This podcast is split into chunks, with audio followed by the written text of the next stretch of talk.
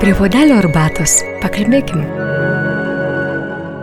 Sveiki, susitinkame šį kartą prasidedant lapkričiui. Mūsų protėviai kažkada šiuos mėnesius vadino vėlinių ir vėlių mėnesiais, todėl nebereikalo jų sandūroje ir minime vėlinės bei visų šventųjų dieną. Taigi apie mirusiųjų pagerbimo tradiciją šiandien ir kalbėsime prie puodelio arbatos.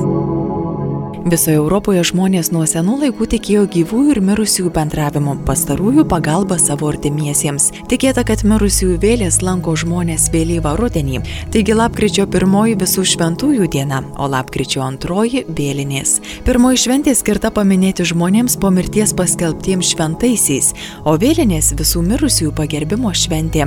Vėlinės lietuviai minėjo nuo senovės, tai dar pagoniška diena. Buvo tikima, kad mirštant žmogui nuo kūno atsiskiria vėlės vėlė, kuri vėliau bendrauja su gyvais, juos nuolat lanko. Kaip mūsų protėviai minėjo šią dieną, pasakoja etnologas Libertas Klimka. Vėlinės mūsų krašte žinomas nuo neatmenamų laikų, turbūt nuo akmens amžiaus, rudenį, kada įvyksta virsmas gamtoje ir žmogaus sieloje, tai prisimenami mirusieji. Ir tai kažkada proistorijoje mūsų tai buvo rudens sambarių šventė. Ja mini ir viduramžių istorikai, tokie kaip Janas Dlugošas, 15 amžiui rašęs, kiek vėliau Motėjus Trikovskis. Tai rašo, kad lietuviai ir žemaičiai turi tokį paprotį, rudenį nuvalė derlių, naina į savo šventosius miškelius ir ten kelia puotą prisimindami savo mirusiusius ir numesdami jiems į laužą maisto kasnelius. Taigi ši šventė yra labai susijusi su, kaip ir visa mūsų etinė kultūra, su gamta, yra labai susijusi su e, šeimos papročiais. Ir natūraliai paskui krikščionybės jau po Lietuvos krikšto priėmė vėlinių tradiciją ir visų šventųjų šitos dvi dienos, lapkričio pirmoji ir antroji, yra įteisintos kaip bažnytinės šventės. Įdomu, kad e, dalis lietuviškų tų papročių taip gražiai įsikultūrino į, į štai tas bažnytinės šventės. Mūsų senoliai nedažnai lankydavo mirusiuosius ir į kapinių kalnelius užsukdavo tik porą kartų per metus. Lietuviai savo mirusiuosius prisimindavo, žinoma, pavasarį, tai Velykų šventės metu, kada vaikai nuvedami į kapus ir parodomi, kurių seneliai proseneliai ilsisi. Na ir rudenį, kada štai gamta nuteikia, nuteikia tam prisiminimui. Kaimo kapinaitėse nebuvo tokio papročio, kad kas dvi, tris dienas lankytos kapus, ten gėlės sodint. Viso to nebuvo, čia yra jau atėjęs su miesto kultūra ir tai, kad mes jau tapom miesto žmonėmis, didesnė pusė lietuvių gyvena mieste ir savotiška išraiška nostalgijos kaimui. Turbūt yra tas kapų perdėtas tas lankymas, darželių darimas iš jų. Kaimo žmogus to nedarydavo, nes šeimos kapavietė, na, būdavo papuošiama kokia nors daugiamečių augalų, ar, ar tai bijūnų, ar diemedžių ir, ir tiek. Ir parodoma vaikams, kur ilsisi prabočiai. Anksčiau vėlėms būdavo keliamos puotos, dar XIX amžiuje kai kuriuose Lietuvos regionuose ir kituose Europos kraštuose buvo paprotys ruošti vaišes, kviesti jas mirusiuosius. Pavakarieniavus kapinėse būdavo paliekama maisto vėlėms. Papročiai yra labai gilus, jie yra susiję su žemdirbystės kultūra, nes senovės žmonių pasaulyje žiūroje buvo manoma, kad vėlės padeda žmonėms gyviesiems likusiems šiame pasaulyje visose darbuose. Ir vėlių pagalbos buvo prašoma, kad geras derlius užauktų, kad geri orai būtų jį nuimant ir taip toliau. Na ir rudenį natūralu, kad vėlėms atsilyginama dėmesį prisiminimo ir net štai nu, kokia tai maisto, reiškia bendromis vaišėmis su vėlėmis. Tai lietuvių kultūroje tai labai giliai yra išlikę. Ir beveik visos agrarinės šventės yra susijusios, na, mokslininkai pasakytų, su vėlių kultu. Tai yra su mirusiųjų prisiminimu. Na, ypatingai ryškiai mes tą bendrą vakarienę turime tai per kučias. Bet vėlinės būtent yra taip pat iš to kilusios ir dar nesenai tos vaišės mirusiųjų kartu su gyvaisiais buvo praktikuojamas. Apie tai, pavyzdžiui, mini net poetas Adomas Mickevičius savo poemoje Vėlinės. Jis lietuviškus papročius ten labai gražiai poetizuoja ir aprašo, kad, kad štai žinys ar tai kažkoks tai kaimo vyresnysis, reiškia su visais vis kaimo žmonėmis, štai susirenka prie kapinių ir pažymė tai.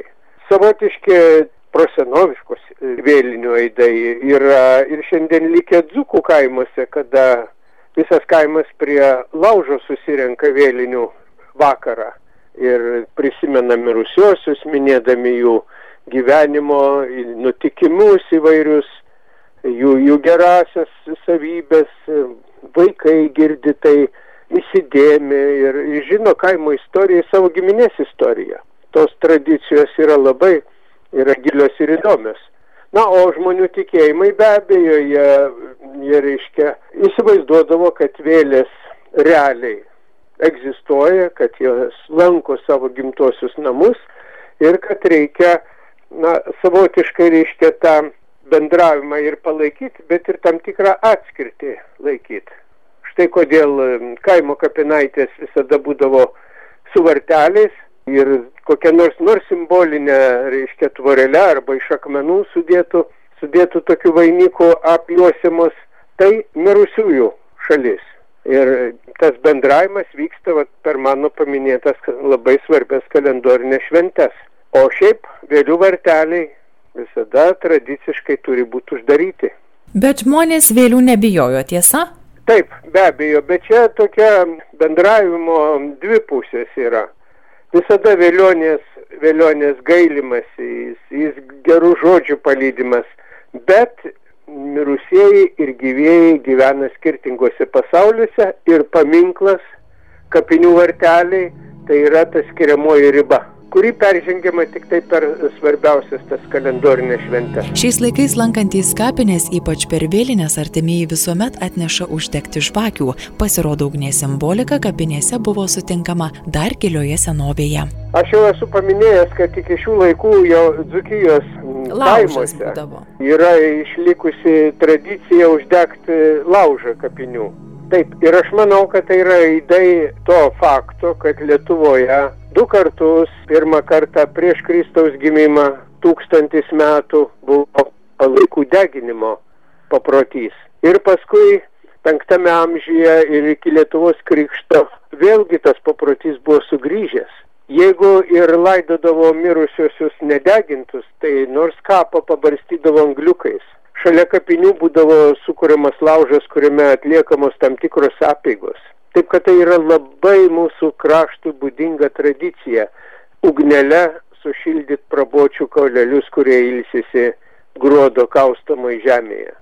Ir štai žvakelė įtiesa uždegti ant artimojo kapo žvakelę. Ta tradicija nėra labai sena kiek man pavyko surast duomenų, tai 1880 metais Dzukijos kaimuose prasidėjo ta tradicija.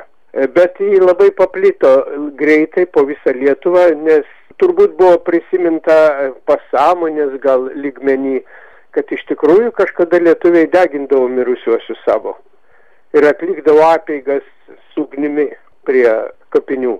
Tai ši tradicija tikrai graži yra ir kažkaip jaudinantis momentas, kada ateini prie gerbiamo žmogaus kapo, ar tai vėlinių vakarą, ar tai kitos kokios nors dienos, ar reikšmingos tam žmogui buvusios dienos metu ir uždegi tą žvakelę. Etnologas Libertas Klimka pasakoja, kad mūsų senoliai į mirusiųjų kalnelius užsukdavo retai ir nesistengė išpuošti artimųjų kapaviečių. Dabar pasidairius po kapinės, ko tik nepamatysim, ne tik gėlių puokščių iš tikrų ir dirbtinių žiedų, tačiau ir prabangių paminklų ir granito plokščių. Vieni pasakytų, kad tokiu būdu artimieji parodo savo meilę jau išėjusiems, kitiems atrodo, kad tai beprasmybė. Šios laidos pašnekovas sako, kad toks kapinių puošimas tiesiog kaimo ilgiai tikėjimosi išraiška. Lietuvio mąstyseno ir pasaulyje žiūroje tie dalykai labai yra susipinę ir labai kontrastingai kartai susipinę. Kadangi dabar ir seni kaimo žmonės jau gyvena mieste, juos vaikai pasiima, kad galėtų prižiūrėti geriau, padėti jiems senatvėje. Tai kaimo žmonės mieste tiesiog ilgisi savo kaimo, ilgisi tų darbų, palikto ūkio ir taip toliau. Tai vat, e, tas kapinių lankymas labai dažnas, jų pošimas yra šito ilgesio išraiška, ne kitaip. 21 amžiaus žmonės gyvena labai greitame laiko ritme. Ir e, aišku, į kapinės lakstyt kas antrą, trečią dieną, kad paliet ten gėlės, jie jauni žmonės tiesiog neturi laiko ką aš matau kapinėse, kad kapinėse lankosi senukai. Ir ta išraiška pošybos labai peržengia ribas kartais.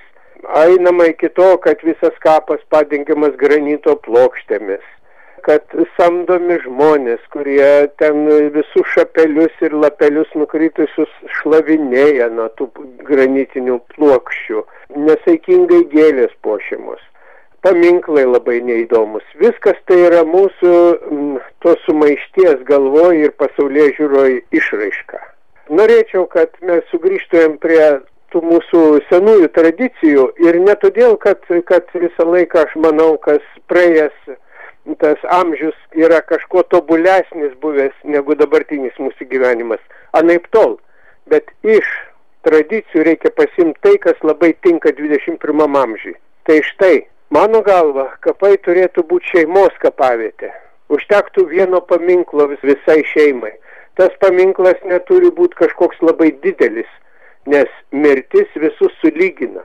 Ir tas paminklas e, labai būtų gražu, kad vėl sugrįžtų medinių kryžių tradicija, nes e, kryždirbystė yra įrašyta UNESCO paveldo sąrašą, pasaulio nematerialių šedevrų sąrašą. Taigi reikia to pasiremti ir pasinaudot, kad mes savitai atrodytumėm ne tik pasauliui, bet ir patys savo. Taigi, tai štai šeimos kapavietė, senųjų kaimo kapinaičių atgaivinimas būtų labai prasminga šiais laikais.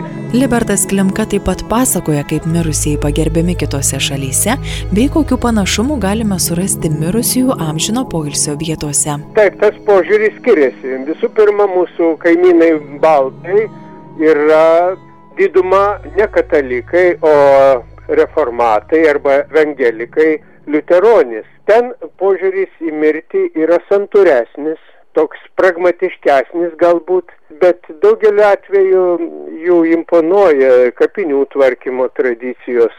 Jos nėra taip perdėtos per daug, nes būtent liuteronis labai laikosi to požiūrio, kad mirtis visus sulygina ir net jų kapinių tvarkymo tradicijose yra priimta, kad vienas paminklas neturi būti aukštesnis už kitą ir neturi būti, na, kažkoks labai ypatingai, reiškia, stengiamasi išraiškingai tą pavaizduot išėjus į anapus žmogų. O gražu yra tai, kad kartais vienam kitam paminkle ten pažymima žmogaus profesija. Šitai man labai patiktų, kad ir pas mus grįžtų ta tradicija, kad tai palaidotas ar kunigas, ar profesorius, ar mokytojas, ar inžinierius, kad būtų tas pažymėta. O žymėdavo taip anksčiau Lietuvoje? Taip, anksčiau žymėdavo. Žmogaus profesija tai buvo, na, tiesiog tarsi vizitinė kortelė ir tikrai arba simbolių. Na, pavyzdžiui, mokytojai dažniausiai paminklas buvo daromas kaip atversta knyga. Kunigui be abejo yra kunigystės simboliai, kurie, kurie iš karto žmogų primena, kas čia yra palaidotas. Kalbėjo Libertas Klemka. Tad likite kartu su FM99. Prie pudelio arbatos pakalbėkim.